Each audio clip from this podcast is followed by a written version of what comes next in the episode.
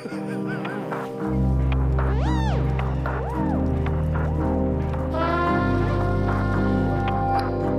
zit in de trein of op de fiets, of misschien ben je wel lopend, onderweg naar het theater voor de voorstelling Dorian van het Noord-Nederlands toneel.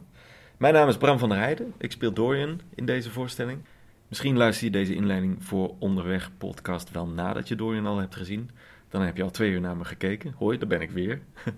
Wil je nog even horen waar je nu precies naar hebt gekeken? Blijf dan luisteren.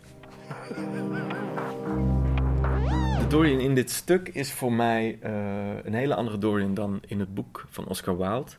Waar het een uh, dandy is die erachter komt dat zijn zonden geen effecten op hem hebben en hij eeuwig jong blijft.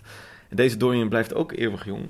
Maar hier ligt de nadruk veel meer op uh, hoe iemand gebruikt kan worden om ingezet te worden in de kunstwereld, want hij is een kunstenaar, en dan totaal leeggezogen wordt en uiteindelijk helemaal niks meer over heeft, helemaal doordraait op de drugs.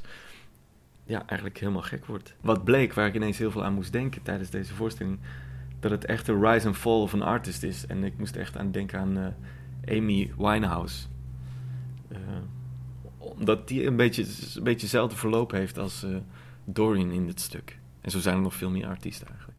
En wat roem met je doet, is ook uh, iets heel heftigs. Iedereen wil een stukje van je. En je hebt dus ook heel veel mensen die dat allemaal willen geven, maar je, je kunt niet blijven geven.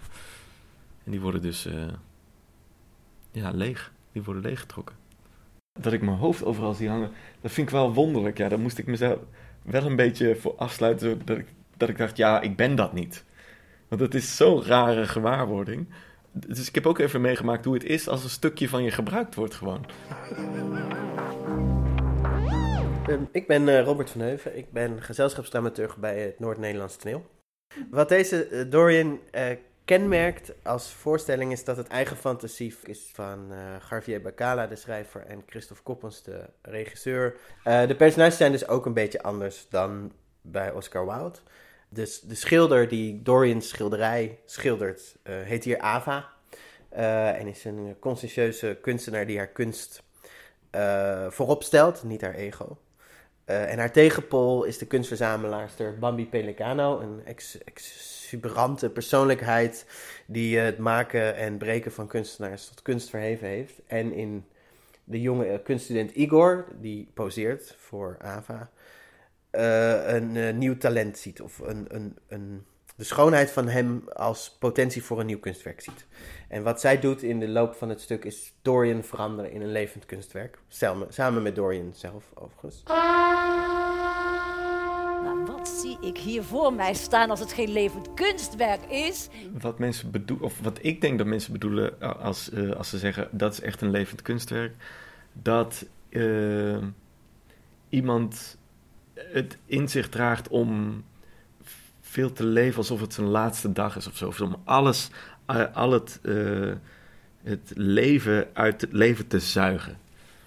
Nou in, in, in, bijvoorbeeld in het geval van Bambi gaat het over esthetiek. Alles doen voor esthetiek in het leven. Uh, in het geval van Dorian is het proberen te leven alsof elke dag zijn laatste is. En, dan, en, en zo wordt je leven een kunstwerk.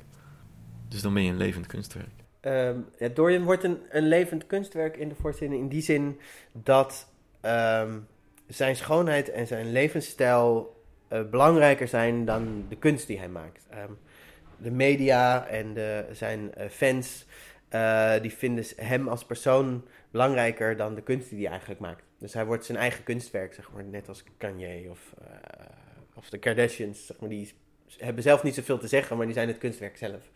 Um, wat overigens Dorian in de voorstelling steeds meer gaat frustreren, omdat hij zichzelf wel als kunstenaar ziet. Ik denk dat uh, dat wat Christophe Koppens laat zien niet zozeer is hoe we nu naar kunstenaars kijken. Of misschien wel naar sommige kunstenaars. Ik denk Damien Hirst van deze wereld of Jeff Koons.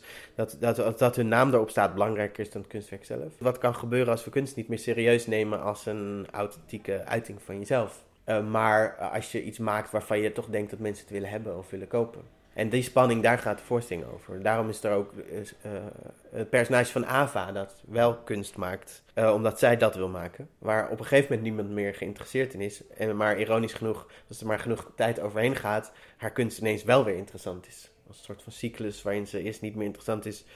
eh, en daarna weer wel, terwijl ze in al die jaren gewoon precies hetzelfde is blijven maken.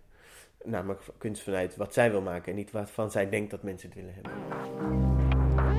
We hebben Christophe Koppels gekozen omdat hij eh, eh, past bij eh, het interdisciplinaire karakter van wat het NNT wil zijn. We maken wel voorstellingen vanuit de tekst, maar proberen hier te combineren met eh, andere eh, kunstdisciplines. Eh, muziek, beeldende kunst, dans. En Christophe is ehm, opgeleid als theatermaker, maar is daarna eigenlijk de beeldende kunst en de vormgeving ingerold. En heeft eh, sieraden ontworpen en eh, kostuums eh, van popsterren. En is daarna weer eigenlijk teruggekomen naar het theater. Eerst de opera eh, bij de Munt in Brussel en nu eh, voor het eerst een theatervoorstelling. En we hebben hem gevraagd omdat hij als beeldend kunstenaar toch anders naar het theater kijkt dan wij theatermakers. Dus dat hij daar misschien hoop ik een andere visie op heeft op het maken en op eh, wat theater zou kunnen zijn. En nou ja, hem aan het werk zien, het repetitielokaal, is ook wel een beeldend kunstenaar aan het werk zien die een sculptuur aan het maken is. Dus hij sculptuurt eh, theaterbeelden en dat is eh, bijzonder om te zien. De voorstelling Dorian speelt nog tot en met 14 december in theaters door Nederland en België. Heb je de voorstelling gezien en wil je nog wat vragen? Kom dan na afloop naar de bar en spreek mij of de andere spelers aan. Zijn we er niet of moet je meteen naar huis? Stel dan je vragen op onze Facebookpagina of stuur een berichtje via Instagram. We zijn benieuwd wat je ervan vond.